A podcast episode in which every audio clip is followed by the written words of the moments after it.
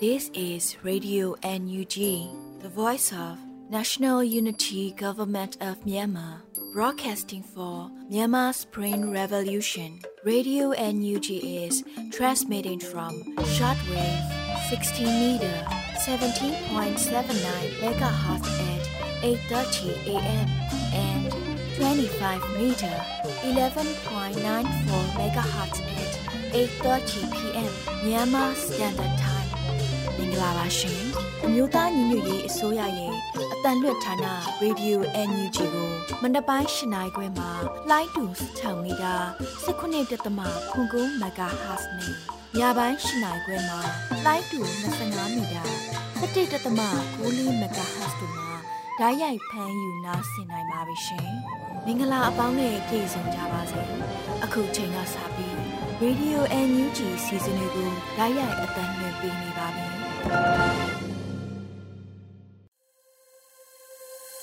မြန်မာနိုင်ငံသူနိုင်ငံသားအပေါင်းတဘာဝဘေးစစ်အာဏာရှင်ဘေးတို့မှကင်းဝေးပြီးကိုစိတ်နှပြချမ်းမာချမ်းသာပြီးဘေးကင်းလုံခြုံကြပါစေလို့ Radio NUG ဖွဲ့သားတွေကဆုတောင်းမေတ္တာပို့သလိုက်ပါတယ်ခင်ဗျာမင်္ဂလာညနေခင်းပါခင်ဗျာဒီကနေ့2023ခုနှစ်နိုဝင်ဘာလ25ရက်နေ့ Radio NUG ညပိုင်းစီစဉ်များကိုစတင်ထုတ်လွှင့်ပေးပါတော့မယ်ပထမဦးစွာ ပြည်တွင်းသတင်းများကိုຫນွေဦးမွန်ကဖတ်ကြားတင်ပြပေးမှာဖြစ်ပါတယ်ခင်ဗျာ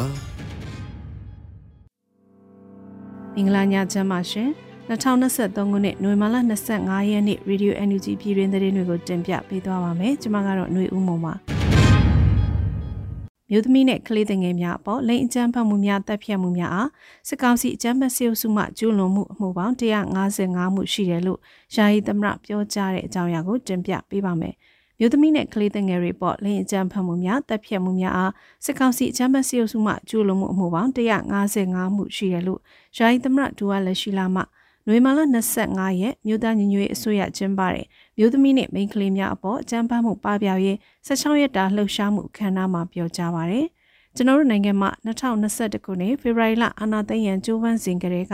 မြို့သမီးနဲ့ကလေးငယ်များအပေါ်လိင်အကြမ်းဖက်မှုများတပ်ဖြတ်မှုများပြည်သူများပေါ်လူခွင့်ရေးချိုးဖောက်မှုများကိုစစ်ကောင်စီအကြမ်းဖက်စစ်အုပ်စုမှကျူးလွန်နေကြတာဆိုရင်အမှုပေါင်း155မှုရှိတယ်လို့ဝန်ကြီးဌာနကမှတ်တမ်းတင်ပြီးကမ္ဘာကုလသမဂ္ဂအဖွဲ့အစည်းပါဝင်ရေးယူဆောင်ရွက်မဲ့အဖွဲ့အစည်းများကိုပေးပို့ပြီးဖြစ်တယ်လို့သိရပါတယ်။ကျူးလွန်ခံရတဲ့သူများကိုလည်းကျွန်တော်တို့အစိုးရအနေနဲ့ပံ့ပိုးကူညီပြီးလိုအပ်တဲ့မူဝါဒများလည်းချမှတ်ဆောင်ရွက်ခဲ့ပါတယ်လို့ဆိုပါတယ်။ ဒါအပြင်လူတော်လေးမှာပါဝင်နေတဲ့သူရဲကောင်းများဟာမိမိတို့ဒေသအတွေ့ငြိမ်းချမ်းစွာဆန္ဒပြခြင်းကြောင့်ကြမ်းဖက်ဖန်ဆီးခံရခြင်းဖန်ဆီးခံရပြီးနောက်ပိုင်းမှာလည်းရိုက်နှက်မှုတွေပြင်လိမ်မိုင်းဆိုင်ရာကျူးလွန်မှုတွေခံရခြင်းမတရားချုပ်နှောင်ထားခြင်းမှာလည်းအခြေခံကျန်းမာရေးလူမှုရေးစောင့်ရှောက်မှုများမခံစားရခြင်း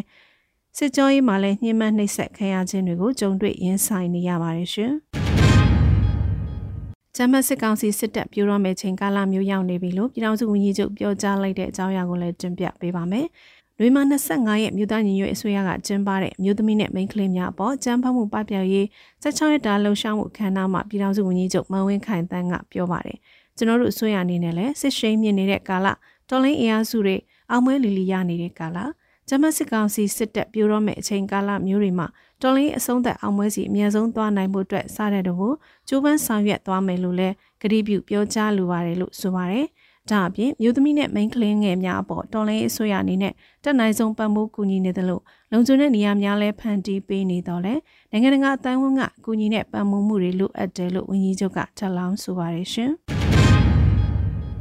ဆီယနာသိမ့်မသည့်အချိန်မှစ၍မြို့သမီးလွှတ်တော်ကိုယ်စားလှယ်18ဦးပါဝင်ဒီမိုကရေစီနှင့်လူ့ခွင့်ရေးအတွက်ရဲဝံစွာတိုက်ပွဲဝင်နေကြသောမြို့သမီး9099ဦးသည်စစ်ကောင်စီဖမ်းဆီးအကျဉ်းချထိန်းသိမ်းခြင်းကိုခံခဲ့ရတယ်ဆိုတဲ့သတင်းကိုလည်းတင်ပြပေးပါမယ်။လွေမ25ရက်ပြည်ပဆိုင်ရာမြို့သမီးများပေါ်ကြမ်းဖတ်မှုပြောက်ပြောက်ရေးနေ့မှာ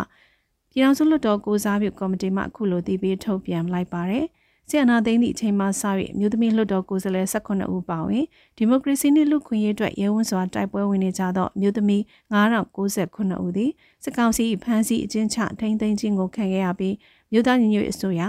မြို့သမီးလူငယ်နှင့်ကလေးငယ်ရေးရာဝန်ကြီးဌာန၏အော်တိုဘာလ30ရက်နေ့ထိစည်ရင်းများအရမြို့သမီး882ဦးအသက်ဆုံးရှုံးခဲ့ရကြောင်းသိရတယ်လို့ဆိုပါတယ်။ အာနာသိန်းစစ်တပ်နေစဉ်တိုးမြင့်လှုပ်ဆောင်နေသည့်အကြမ်းဖက်မှုများကြောင့်နေရဆွခွာထွက်ပြေးတိမ်းရှောင်နေရသည့်မြို့သမီးများနှင့်မိန်းကလေးများသည်စိတ်ပိုင်းနှင့်ရုပ်ပိုင်းဆိုင်ရာလုံခြုံမှုများအကာအကွယ်ရရှိရန်အထူးလိုအပ်လျက်ရှိတယ်လို့ဖော်ပြပါတယ်။ဒါအပြင်အကြမ်းဖက်စစ်တပ်မှမြို့သမီးများမိန်းကလေးများပါဝင်မြန်မာပြည်သူများပေါ်ကျူးလွန်ခဲ့သည့်ရာဇဝတ်မှုများအတွက်ပြည်ထန်စီရင်ကြီးမှကင်းလွတ်ခွင့်ရနေမှုအားအဆုံးသတ်ပြီးတရားမျှတမှုဖော်ဆောင်နိုင်ရင်တရားမဝင်ဆီယနာသိမ်းမှုနှင့်ဂျမစစ်တပ်၏အကြမ်းဖက်မှုများအများဆုံးအဆုံးသတ်ရပ်တန့်စေရေးတို့အတွက် နိုင်ငံတကာတိုင်ဝမ်တွေဖြင့်စစ်ကောင်စီပေါ်ထိရောက်သောရေးယူမှုများတိုးမြင့်လှုံ့ဆော်ပေးရန်ပြည်ထောင်စုလွှတ်တော်ကိုစားပြုကော်မတီနေဖြင့်ထပ်မံတိုက်တွန်းတောင်းဆိုအပ်တယ်လို့ဖော်ပြပါရှိပါတယ်ရှင်။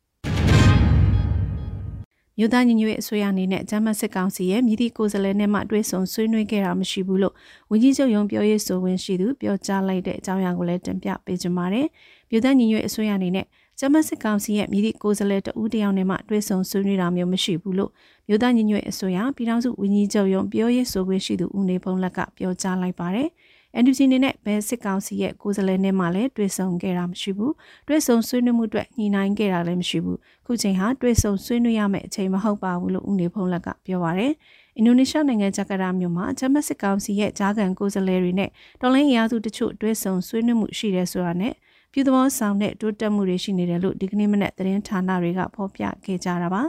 ဒီဂျကာတာမှာပြုလုပ်တဲ့ဆွေးနွေးပွဲကလည်းပုံမှန်အင်ဒိုနီးရှား Special Envoy ရုံးနဲ့တွေ့ဆုံဆွေးနွေးညှိနှိုင်းမှုတစ်ခုပဲရှိပါတယ်။သဘောထားမြင်တွေဖလှယ်ကြတဲ့ဆွေးနွေးပွဲပဲဖြစ်ပါတယ်။ Energy နိုင်ငံသားရဲ့အာဆီယံကိုယ်စားလှယ်တဦးတက်ရောက်ခဲ့ပြီးမဟာမိတ်များနဲ့ညှိနှိုင်းသဘောတူထားတဲ့ရည်တည်ချက်တွေကိုပဲဆွေးနွေးခဲ့တာရှိပါတယ်လို့ဦးနေဖုံလက်ကပြောပါတယ်။ဒါအပြင်ဦးနေဖုံလက်ကအင်ဒိုနီးရှားနိုင်ငံသားဝန်ကြီးဌာနရဲ့ထုတ်ပြန်ချက်မှာ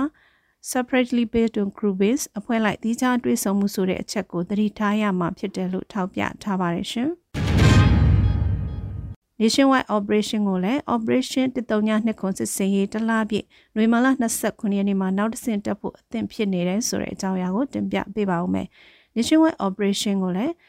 Operation 139ခွန်စစ်စင်ရေးတလားပြည့်နွေမာလာ29ရက်နေ့မှာနောက်တစ်ဆင့်တက်ဖို့အသင့်ဖြစ်နေပြီလို့ညီနောင်မဟာမိတ်၃ဘွဲကထုတ်ပြန်ပါတယ်။ ညီနောင်မဟာမိတ်၃ဘွဲစတင်ခဲ့တဲ့139ခွန်စစ်စင်ရေး29ရက်မြောက်နေ့မှာခုလိုထုတ်ပြန်လိုက်တာဖြစ်ပါတယ်။စစ်စင်ရင်29ရက်နေ့မြောက်နေ့ဖြစ်တဲ့နွေမလ24ရက်နေ့မှာလည်းအရင်ရက်တွေကိုစီးရင်ရရေးပါတယ်။ဗျူဟာကုန်းတွေစစ်ဘက်ရဲဘက်ဆိုင်ရာတပ်စခန်းတွေကိုထပ်မံသိမ်းပိုက်ရယူနိုင်ခဲ့တယ်လို့သိရပါတယ်။ရန်သူတပ်ဖွဲ့ဝင်တွေကိုဆက်လက်တုတ်တင်နိုင်ခဲ့ကရန်သူရဲ့စစ်လက်နက်ခဲယမ်းနဲ့စစ်သုံးဆောင်ပစ္စည်းတွေကိုလည်းသိမ်းဆည်းရရှိခဲ့တယ်လို့ဆိုပါတယ်။ စီးရဲလှုပ်ရှားရာဒေသတွေမှာစစ်ရှိန်ဆက်လက်မြင့်တက်နေပြီးမိမိတို့သတ်မှတ်ထားတဲ့စစ်ကောင်စီရဲ့အရေးပါတဲ့နေရာတွေစစ်စင်ရေးကိုအနောက်ရှက်ပေးနေတဲ့နေရာတွေ ရန်သူလက်နက်ကြီးကုန်းတွေကိုတစ်ခုပြီးတစ်ခုထိုးစစ်ဆင်တိုက်ခိုက်နေတာဖြစ်ပါတယ်။ဟန်ညက်ကြီးစစ်စင်ကနေတဆင့်ပြည်သူကိုလက်နက်ကြီးတွေနဲ့ပစ်ခတ်တပ်ဖြတ်နေတဲ့ရန်သူရဲ့စစ်စခန်းတွေမဟာဗျူဟာမြချက်ချာကြတဲ့ကုန်းတွေကိုပြီးသက်ချေမွန်းတိုက်ခိုက်ခဲ့တဲ့စစ်စင်ရေးတိုင်းမှာမိမိတို့တပ်ဖွဲ့ဝင်တွေရဲ့အသက်သွေးချွေးအရင်နီးပေးဆက်မှုများစွာနဲ့ရယူနိုင်ခဲ့ကြတယ်လို့ဆိုပါတယ်။ဒီတုံညာနှစ်ခွန်စစ်စင်စတင်တဲ့အချိန်ကနေဒီနေ့အထိသမိုင်းဝင်စစ်စင်ရေးတွေကိုတစ်ခုပြီးတစ်ခုဆင်နွှဲခဲ့ပြီးစစ်စင်ကာလအတွင်းရဲဘော်တယောက်ချင်းစီရဲ့ပေးဆက်မှုတိုင်းကို လေးနက်အတိမတ်ဂုံပြုအပ်ပါတယ်လို့ထုတ်ပြန်ချက်မှာဖော်ပြထားပါတယ်ရှင်။မြမြပေါ်ရှိစစ်ကောင်စီတပ်အထိုင်စခန်းမှ87မမလက်နက်ကြီးများဖြင့်ရန်တမ်းပစ်ခတ်ရာထန်းဖုံသောကျေးရွာရှိရသား3ဦးလက်နက်ကြီး ထိမှန်သေးဆုံးတဲ့တဲ့ရင်ကိုဆက်လက်တင်ပြပေးပါအောင်မယ်။မကွေးတိုင်းမြန်မြို့ပေါ်ရှိထိုင်ချနေသောစစ်ကောင်စီတပ်သားများကနွေမ22ရက်9နာရီအချိန်၌မြန်မြို့ပေါ်ရှိထိုင်စခန်းမှ87မမလက်နက်ကြီးများနဲ့ရန်တမ်းပစ်ခတ်ရာတမုံတော်ကျေးရွာဥမတ်ကျော်နေတို့ကြားရောက်ပေါက်ကွဲခဲ့တယ်လို့နွေမ24ရက်မှာဖြစ်စဉ်ကိုမြိုင် MVRF ကတီးပြုဆိုထားပါတယ်။ဆိုပါလက်နက်ကြီးထိမှန်၍ဥမတ်ကျော်ဒေါ်ဆန်းညွန့်နဲ့အောင်ချမ်းသာကျေးရွာမှာလဲလာသောဒေါ်ဝင်းွဲ့ ပွဲချင်းပြီးသေဆုံးတို့၃ဦးလက်နက်ကြီးထိမှန်၍သေဆုံးခဲ့ရပြီးအခြားပြည်သူ2ဦးလည်းထိခိုက်ဒဏ်ရာရရှိခဲ့ပါတယ်ရှင်။ ရခိုင်ပြည်နယ်မြေပုံမြို့နယ်အတွင်းစစ်ကောင်စီနှင့်ရခိုင်တပ်တော် AA တို့ထိတွေ့တိုက်ခိုက်မှုတွင်စစ်ကောင်စီတပ်ဖွဲ့ဝင်10ဦးသေဆုံးတဲ့တဲ့ရင်ကိုလည်းတင်ပြပေးပါမယ်။နွေမလ24ရက်နေ့မိုးလယ်3နာရီချိန်ကတွင်ရခိုင်ပြည်နယ်မြေပုံမြို့နယ်အတွင်းစစ်ကောင်စီနှင့်ရခိုင်တပ်တော်တို့ထိတွေ့တိုက်ခိုက်မှုတွင်စစ်ကောင်စီတပ်ဖွဲ့ဝင်10ဦးအားတုတ်တင်ရှင်းလင်းနိုင်ခဲ့ပါတယ်လို့နွေမ25ရက်စီးရဲတဲ့ရင်ကိုညီနောင်မဟာမိတ်၃ဘွဲကအသိပေးဖော်ပြပါတယ်။ရခိုင်တပ်တော် AA သည်ပလောဟန်မြို့နယ်ရှိစစ်ကောင်စီအခိုင်အမာစခန်းချထားသောတရွန်အိုင်ဗျူဟာနှင့် နှုံးဘူးဗျူဟာနှစ်ခုကိုလည်းအပြီးသက်သိမ့်ပိုက်နိုင်ရေးတိုက်ပွဲသည်ပြင်းထန်လျက်ရှိပြီးရန်သူဘက်မှဂျက်တိုက်လေရင်ရဟတ်ရင်တို့ဖြင့်ရှစ်ကြိမ်တိုင်တိုင်လာရောက်တိုက်ခိုက်ရသည့်အထိတိုက်ပွဲများပြင်းထန်ခဲ့တယ်လို့သတင်းရရှိပါရယ်မိမိတို့အနေနဲ့ရီမန်ထားသောစီးရဲစီမံများကိုတစ်ခုပြီးတစ်ခုဆက်လက်အကောင့်ထဲပေါ်ဆောင်ရွက်လျက်ရှိပြီးစီးရဲရှင်ကိုလည်းရက်တက်သောခြားသောမိဘအဖွဲ့အစည်းများမြို့တော်လေးအဖွဲ့အစည်းထဲမှပေါက်ဖွာလာသောတော်လိုင်းအဖွဲ့အစည်းများဘုံမှန်ချက်တူညီသောအဖွဲ့အစည်းများနှင့်အတူတကဆင်နွှဲလျက်ရှိတယ်လို့လည်းဆိုပါတယ်ရှင်။ ဝက်လက်မြို့နယ်ရွှေပန်းကုန်းရွာရဲစခန်းကိုစကန်သိန်းတိုက်ပွဲဆင်နွှဲရရန်သူဘက်မှ3ဦးသေဆုံးပြီးစကန်မှုပါဝင်16ဦးဖမ်းဆီးရမိတဲ့တဲ့ရင်ကိုတင်ပြပေးပါဦးမယ်။ဝက်လက်မြို့နယ်ရွှေပန်းကုန်းရွာရဲစခန်းကိုအမှတ်နဲ့ရွှေဘုတ်ခိုင်ကိုကဲရေးကိုကဲမှုအောက်ရှိ PDF တရင်များဝက်လက်မြို့နယ်ပကဖလှတော့တိုက်နယ်ပကဖရွှေပန်းကုန်းတိုက်နယ်ပကဖနဲ့ရွာသားကြီးတိုက်နယ်ပကဖတို့မှနွေမာလာ21ရက်မှာစခန်းသိန်းတိုက်ခိုက်သိမ်းပိုက်နိုင်ခဲ့ပါတယ်လို့နွေမာ25ရက်မှာစခန်းသိန်းတိုက်ပွဲနောက်ဆုံးရလက်ကိုအမှတ်1စစ်ဒေသကအတည်ပြုပါရယ်၎ င်းစခန်းသိန်းတိုက်ပွဲအတွင်းရန်သူဘက်မှ3သေဆုံးပြီးစခန်းမှုပါဝင်16ဦးကိုဖမ်းဆီးရမိခဲ့ပြီး၎င်းစခန်းမှရန်သူလက်နက်ငယ်30တလက်ကြီးမျိုးစုံ6400ကျော်လက်ပစ်ပုံ32လုံးမိုင်း6လုံးကြီးအိမ်38ခုငွေကျပ်9သိန်းကျော်နဲ့ပစ္စည်းချို့သိမ်းဆည်းရမိခဲ့ပါတယ်။၎ င်းစကိုင်းသိန်းတိုက်ပွဲတွင်ကာကွယ်ရေးဘက်မှတအူးမြင့်မြတ်စွာကြာဆုံးခဲ့ပြီး၎င်းရဲစခန်းသို့တတအူးမှတက်လာသောဂျက်တိုက်လေယာဉ်တစ်စီးဖြင့်ပုံကျဲတိုက်ခတ်ပြီးနမခတ်မှတက်လာတဲ့ MI35 တစ်စီးနဲ့တဲတော်ကြီးရွာကိုပစ်ခတ်တိုက်ခိုက်ခဲ့ပါတယ်ရှင်။ရွှေဘုံမြို့နယ်နောက်ချက်ပြူရွာဖြစ်တဲ့ တဲသီတော်ကြေးရွာရှိစစ်ကောင်စီစခန်းကိုတော်လိုင်းအရာစုများသိမ်းပိုက်နိုင်တဲ့တဲ့ရင်ကိုဆက်လက်တင်ပြပေးပါမယ်။နွေမ25ရက်မနေ့ပိုင်းမှာတော်လိုင်းအရာစုများကစစ်စင်ရေးကိုလှုပ်ရှားခဲ့တယ်လို့တပင်းမြို့နယ်ညီနောင်များအဖွဲ့မှအခုလိုဆိုပါရယ်။တော်လိုင်းအရာစုများတဲသီတော်ပြူစခန်းအောင်မြင်စွာစခန်းသိမ်းနိုင်ခဲ့ကြောင်းကနအူးတကင်းကောင်းကြားရပါတယ်လို့ဆိုပါရယ်။ထို့အတူမနက်9:30အချိန်ရွှေဘုံမြို့နယ်နောက်ချမ်းအားချမ်းမစစ်ကောင်စီမှလေကြောင်းတိုက်ခိုက်မှုပြုလုပ်ခဲ့တယ်လို့ Kyung Local People Defense Force ကလည်းအတည်ပြုဆိုထားပါတယ်။ဆိုပါပစ်ခတ်မှုဟာနမခမ MI35 ရဟတ်ယာဉ်ဖြင့်လေးချောင်းတိုက်ခိုက်မှုပြုလုပ်ခဲ့တာဖြစ်ပါတယ်ရှင်။ခုတင်ပြခဲ့တဲ့သတင်းတွေကို Radio Energy သတင်းတောက်မင်းတီဟန်မှပေးပို့ထားတာဖြစ်ပါတယ်ရှင်။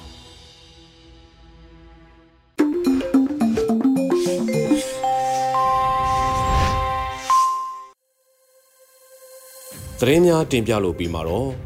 တော်လန်ရေးကြပြအစီအစဉ်မှာ ဂေမိုးရေးဖွဲ့ထားပြီးတော့လွတ်လပ်နှွေဦးခန်းစားရွတ်ဖတ်ထားတဲ့အန်ဒီမတိုက်ပွဲရလက်တော်လိုင်းကြပြာကို ထုတ်လင်းပေးပါမယ်ခင်ဗျာအန်တီမတိုက်ပွဲရလက်အကောင်ပေါက်ဖို့ဥခုံကိုဖောက်ထွက်နေ့ရက်တိုင်းကို အတိတ်ပဲရှိရှိအပြုံးများနဲ့ရှစ်ဆက်ရှောင်မယ်ဒီနိုင်ငံမှာအရွယ်နဲ့မလိုက်အောင် စိတ်ဖိစီးမှုတွေခံစားနေရတယ်လူငယ်လူရွယ်တွေတောထလို့နေရဲ့ယုံကြည်ချက်နဲ့ရှောက်လှမ်းနေတဲ့ခြေထောက်တွေကောင်းနေသမျှပန်းတိုင်ကိုလှမ်းကင်နိုင်မှာယုံတနေ့နေ့တစ်ချိန်ချိန်အရေးကြီးတာကငါတည်သွားခဲ့ရင်မြန်မာနိုင်ငံသားပါလို့ရင်ဘတ်မှာတက်တူးထိုးပေးလိုက်ဒါမှ ဖျားသခင်နဲ့တွေ့တဲ့အခါငရဲကြပြီးသားလူတယောက်မှန်းသိအောင်လို့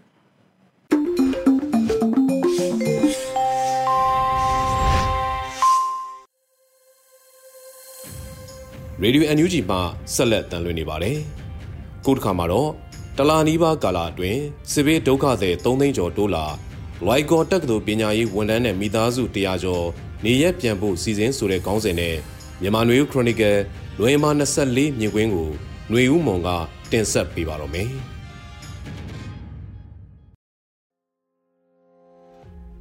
မြန်မာနွေဦးခရိုနီကယ်နွေမာ24မြင်ကွင်းတလနီပါကာလအတွင်းစစ်ဘေးဒုက္ခတွေ3သိန်းကျော်တိုးလာ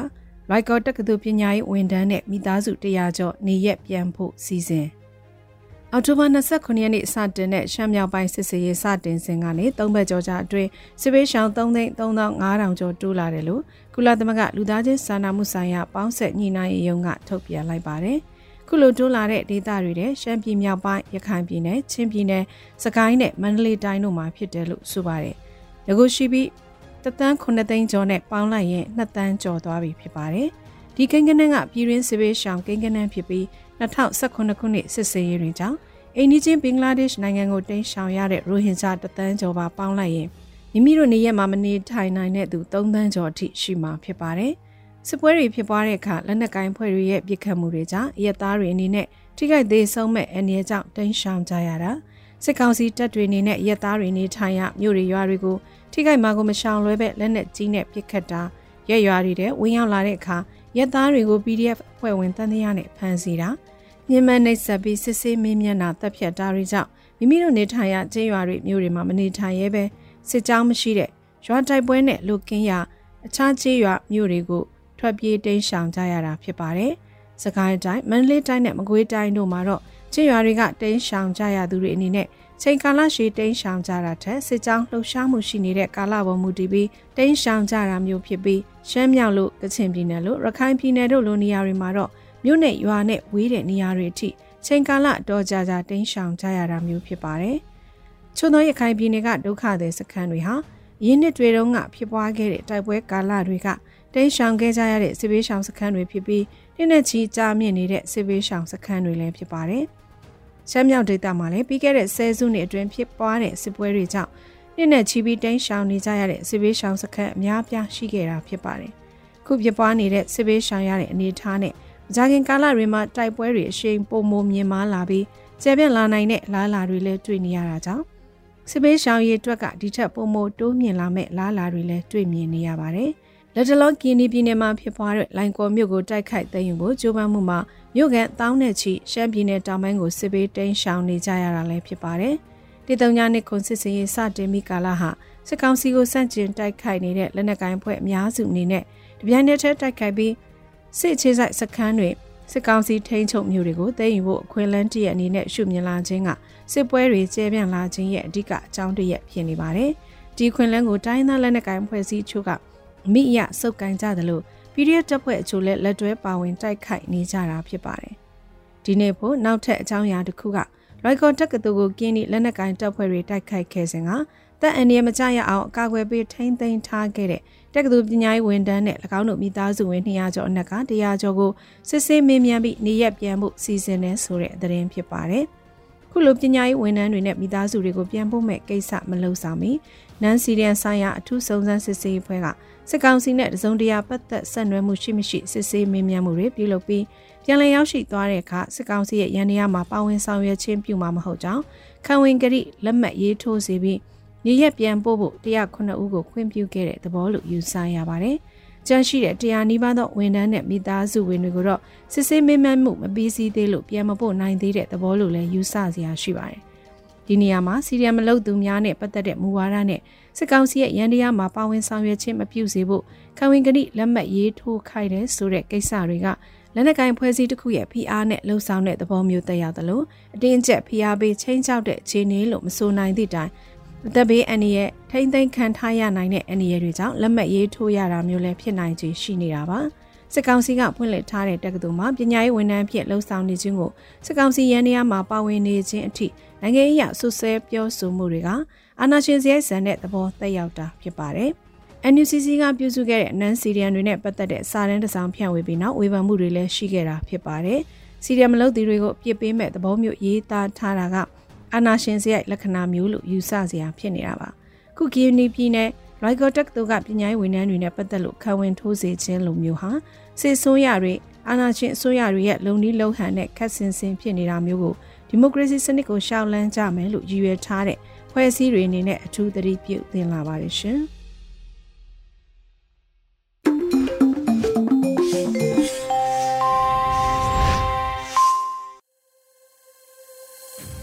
ဆက်လက်ပြီး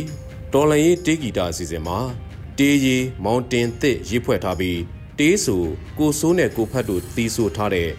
အောင်လန်လွင့်လို့ချီတက်ကြစို့နော်တခြင်းကို တင်ဆက်ပေးမှာဖြစ်ပါတယ်။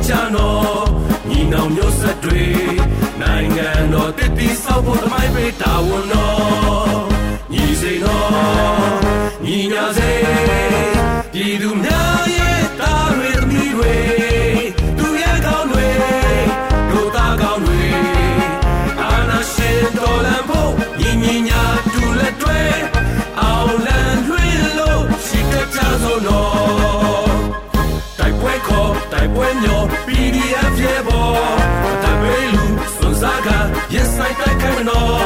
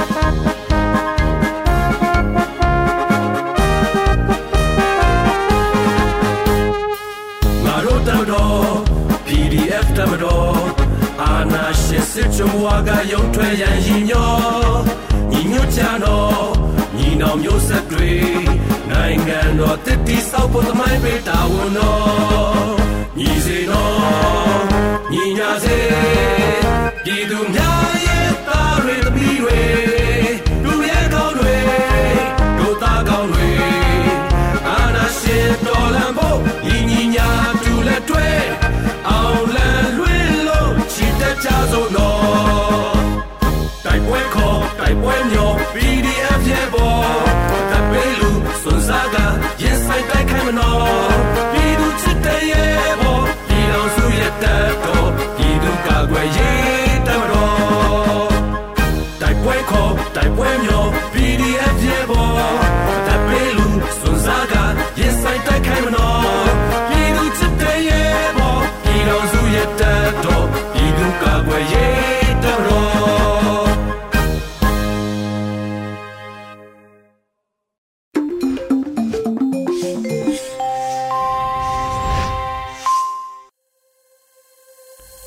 NUG မှာဆက်လက်တန်လွှင့်နေပါတယ်။အခုနောက်ဆုံးအနေနဲ့စိုက်ပျိုးစည်းပွားတောင်သူစကားသံအစီအစဉ်မှာသီးနှံဈေးကွက်မတည်ငြိမ်တာကိုမျိုးဆက်များစွာခန်းစားလာရပြီးနောက်မြမရာမြေကိုတောင်သူများစွန့်ခွာဆိုတဲ့ခေါင်းစဉ်ကို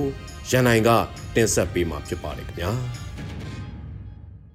ရေဒီယို NUG ကိုနားဆင်နေကြတဲ့ပရိသတ်များခင်ဗျာ။အခုတင်ဆက်ပေးမယ့်အစီအစဉ်ကတော့စိုက်ပျိုးစည်းပွားတောင်သူစကားသံအစီအစဉ်ကိုနားဆင်ကြရမှာပါ။ တီးနှံဈေးကွက်မတည်ငြိမ်တာကိုမျိုးဆက်များစွာခံစားလာရပြီးတဲ့နောက်မြမရာမီကိုတောင်သူတွေစွန့်ခွာလာကြပါတယ်။ဒီသတင်းကိုမတ်ကြီးမုံကပေးပို့ထားပါတယ်။အကြမ်းဖက်စစ်တပ်က2021အာဏာသိမ်းပြီးတဲ့နောက်ကောက်ပဲသိနယ်ပြည်ပဈေးကွက်တွေကျဆင်းလာသလိုပြည်တွင်းမှာလည်းပို့ကုန်ရငွေတွေကိုတံမိုးတိုင်းခန်းစားခွင့်မပေးဘဲပြည်ဝန်းကိုဖောက်နေတာကြောင့်ပြည်ပတင်ပို့သူတွေအခက်အခဲဖြစ်လာကြပါတယ်။ဒါကြောင့်တီးနှံဈေးနှုန်းကျဆင်းတဲ့တံကို အစင်ဆက်ခံစားလာရတဲ့၆သွေးရန်ကုန်ဒေသကခက်ခဲတဲ့အညာတောင်သူတွေဟာရာမြေတွေကိုစွန့်ခွာလာကြတာဖြစ်ပါတယ်။ဒီအချိန်တွေကိုမကွေးမြို့နယ်မှတောင်သူဖွံ့ဖြိုးရေးဖွဲ့ဝင်တူကအခုလိုပဲပြောပါတယ်ကိုရောင်းရတဲ့ပစ္စည်းက2000ကျော်လောက်နဲ့ရောင်းရပြီးတော့ကိုဝဲစားတဲ့ပစ္စည်းက3000ကျော်လောက်နဲ့ပြေးဝဲစားနေရတော့တောင်တူဘဝကတရားပဲပြည့်ပြည့်ထုံထုံလာမှန်နေတာဖြစ်တဲ့အတွက်ကြောင့်တောင်သူတွေရလို့ဖို့အခက်အခဲတွေ့နိုင်တယ် ဆက်လို့ဖို့စံသားမရှိတဲ့တောင်သူကများလာတယ်တချို့ဆိုရင်ပြပြောင်းလောက်သားအဖြစ်နဲ့နိုင်ငံခြားထွက်ဖို့ဒီနောက်ပြည်တွင်းကကုမ္ပဏီတွေစက်ရုံတွေသွားလို့ဖို့ဒီခုရွာဆိုရင်လူငယ်လူလက်ပိုင်းသိမ့်မရှိတဲ့လောက်ဖြစ်သွားပြီထွက်သွားတာကားနှစ်စီးတိုက်လောက်ထွက်တယ်။စီအိုကြီးလို့တင်စားကြပြီးမြေပဲနှမ်းတဲ့ပဲမျိုးစုံကိုစိုက်ပျိုးတဲ့မကွေးတိုင်းဒေသကြီးမှာအခုနှစ်ရာသီးနှံတွေပေါ်လာချိန်မှာတော့ရာသီဥတုကောင်းမွန်ခဲ့လို့အထွက်နှုံးတွေကောင်းခဲ့ပါတယ်။ရာသီဥတုမျက်နှာသာပေးလို့သီးနှံထွန်းထုံးတွေကောင်းခဲ့ပေမဲ့လည်း တရုတ်နယ်စပ်ကိုအဓိကတင်ပို့နေတာဖြစ်လို့လမ်းကြောင်းတွေပိတ်နေတဲ့အခြေအနေအရမြေပဲဈေးတွေကျသွားလို့တောင်သူတွေဟာအရှုံးပေါ်နေကြပါတယ်။မနစ်ကမြေပဲဆန်ဈေးကအနီနဲ့အဖြူအယောင်နှမျိုးမှာကျပ်9300ကနေ1500အထိဈေးရခဲ့ပေမဲ့အခုနှစ်မှာတော့ဈေးကထက်ဝက်ကျလာတာဖြစ်ပါတယ်။မြေပဲတေးကကုန်ကြဈေးကကျပ်6သိန်းလောက်ရှိတာကြောင့်မြေပဲဈေးကျလာတဲ့အခါမှာတောင်သူတွေဟာအကျိုးမြတ်မရှိဖြစ်လာပါတယ်။ မကွေးမျိုးရဲ့လက်တလောဆောင်းမြေပဲဈေးကွက်အခြေအနေကိုကုန်သည်တဦးကအခုလိုပဲပြောပါတယ်။မြေပဲအစ်စ်တွေပေါ်တော့မယ်ပေါ့နော်မြေပဲအစ်စ်တွေကလည်းများတော့အဖြစ်တရုတ်လမ်းဘက်ကိုပဲသွားတာအားတာတယ်ပေါ့နော်အဲ့တော့ဒီဘက်မှာမြေပဲတွေကပေါ်တော့မယ်ဒါပေမဲ့လမ်းကအခြေအနေကမပေးဘူးဆိုတော့ဟိုအယောင်းဝယ်တွေဈေးမကောင်းတာတို့အဲနောက်ပြီးတော့ဈေးတောင်သူတွေအနေနဲ့ဈေးရနေသွားတာတို့ရှိပါမယ်နောက်ကျွန်တော်တို့ဝယ်လိုအားကပြည်တွင်းရဲ့ဝယ်လိုအားပဲဖြစ်မှာဖြစ်တဲ့အတွက်တော့ စီစဉ်မှုငွေကြေးလေပတ်မှုစီစဉ်မှုနည်းနည်းလေးဟိုနည်းနည်းလေးနှောင့်နှေးနိုင်တယ်နှောင့်နှေးနိုင်တယ်ပေါ့နော်ငွေကြေးလေပတ်မှုလေးတွေမှာတော်တော်တဲ့လမ်းမဆက်တွေဒါကျွန်တော်တို့မပြန်ပြီးတော့မဖြောင့်ဖြူးဆိုရင်ပေါ့ဈေးကွက်ကျွမ်းကျင်သူတူကတော့လက်တလောသီးနှံထွက်ကုန်အရေးနဲ့ပတ်သက်ပြီးတောင်သူတွေကမဖြစ်မနေစိုက်ပျိုးနေကြပေမဲ့သီးနှံဝယ်ယူသူကုန်သည်တွေရဲ့အခြေအနေကိုအခုလိုသုံးသပ်ပါတယ်ဒီမှာတော့အကုန်လုံးဆက်ဆက်ပြီးတော့ထိခိုက်မှုရှိနေတာပေါ့ပထမဆုံးကတော့ဒီ ကျွန်တော်တို့စီက ကော်ပိုတီးနဲ့တော်တော်များများက တရုတ်ကိုသွားတာဟုတ်တရုတ်ကိုသွားတယ် သွားတာကလည်း ဘော်ဒါဘက်က သွားတာကလည်း များတယ်ပေါ့ဗျာ များတယ်ဆိုတော့ ဒီကဏ္ဍဖြစ်တော့ကြတော့ ဒီမှာတော့ အကုန်လုံး အဲ့ဒီဟာတွေကတော့ဒါအထိခိုက်မှုကတော့ ရှိရပေါ့နော် ထိခိုက်မှုရှိရနောက်တစ်ခုကတော့ ဒါနဲ့ ဆက်ဆက်ပြီးတော့အဲဒီတောင်သူကဏ္ဍထိခိုက်မှုရှိရတောင်သူကဏ္ဍနဲ့ ဆက်ဆက်ပြီးတော့ ကုန်တယ်တွေရဲ့ အပိုင်းပေါ့နော် ကုန်တယ်တွေရဲ့ အပိုင်းမှာလည်း ထိခိုက်မှုရှိရရှိတော့ ဒီကုန်တယ်ကဏ္ဍနဲ့ ဆက်ဆက်နေတဲ့အဲ ဒီလုပ်သားကဏ္ဍတွေပေါ့နော်ဒီဒီလုပ်သမားကဏ္ဍတွေဒါတွေဘယ်ဥစ္စာတွေလဲဆက်ဆက်ပြီးတော့ကျွန်တော်တို့ဟိုထိခိုက်မှုရှိပါတယ်ပြောရမယ်ဟိုကျွန်တော်တို့လုံတာခိုင်းတာပုံမှန်ဟိုဟိုဈေးမျက်နှာနှိမ့်နာကတည်တည်ငြိမ်ငြိမ်ဆိုရင်သိပြဿနာမရှိဘူးအဓိကမတည်မငြိမ်ဖြစ်နေတယ်ဆိုတဲ့ကိစ္စကမှန်းလို့မရတာပေါ့ဗျာမှန်းလို့မှန်းလို့မရတာအဲ့တော့ကွန်ပစ္စည်း အခုရဲ့အနေကကွန်ပစ္စည်းပေါ်တဲ့အချိန် ရှားတဲ့အချိန်တွေလို့ ကျွန်တော်တို့ မှန်းပြီးတော့ လုပ်လို့လို့မရတော့ဘူး exchange rate တွေ အခွန်ကိစ္စတွေ အစိုးရရဲ့ဒီ trade policy ရဲ့ပြောင်းလဲတွေ ဒါတွေကိုလည်းဟိုထပ်ပြီးတော့ မှန်းအတွက်စတာခက်ရင်တလို့နောက်တစ်ခုကတော့ ခုနကဒီလက်နက်ကိုင်ကိစ္စပေါ့နော် ဒီဥစ္စာတွေကလည်း ကျွန်တော်တို့ မှန်းဆတွက်ဆလို့ ခက်ခဲတဲ့ဥစ္စာမျိုးတွေ ဖြစ်နေတော့ကျွန်တော်ဒီစီးပွားရေးလုပ်တဲ့သူတွေအနေနဲ့ရော တောင်သူတွေအနေနဲ့ရောတော့ ဒီ ဒီကဏ္ဍထဲမှာ ဆက်ဆက်နေတဲ့သူတွေ အကုန်လုံးကတော့ ဒီ risk ကို ယူပြီးတော့အဲလုပ်နေရတဲ့ အနေအထားမျိုးတော့ ရှိတာပေါ့ အဲ့တော့ တဖြည်းဖြည်းနဲ့တော့ ဘယ်လိုလုံးဆိုတော့အဲလုပ်နေရတဲ့ဆိုင် မလုပ်ဘဲထားတာကပဲအဲဟိုသက်သာတယ်လို့မျိုး အနေအထားမျိုးတော့ ဒီလိုမျိုးလဲစဉ်းစားနေကြတာပေါ့ မကွေးတိုင်းရဲ့ စိုက်ရီကတသိန်းလောက်ကနေ ထွက်ရှိလာတဲ့ ဆောင်းမြေပဲ တင်း9သန်းဝန်းကျင်ရဲ့ လက်ရှိဈေးကွက်အနေထားက တည်ငြိမ်မှုမရှိခဲ့တဲ့ မြမစိုက်ပျိုးစီးပွားအခြေအနေကိုတက်သေးထူနေစေပါ မြေပဲနဲ့တူပေါ်လာတဲ့ပဲဒီစိမ်းကလည်းဈေးကျဆင်းတဲ့အတွက်ဒီဆောင်းရာသီကိုရာသီနဲ့နောက်ဆုံးရာသီဖြစ်တောင်သူတွေကဆုံးဖြတ်လိုက်ကြပြီးရာမြေကိုစွန့်ခွာနေကြတာပဲဖြစ်ပါတယ်အခုတင်ဆက်ပေးခဲ့တဲ့မြေပြင်သတင်းအကြောင်းအရာတွေကိုတော့ Radio NUG သတင်းတောက်မတ်ကြီးမုံကပေးပို့ထားတာဖြစ်ပါတယ်ကျွန်တော်ကတော့ရန်နိုင်ပါခင်ဗျာတရားမှုကိုစัจจသော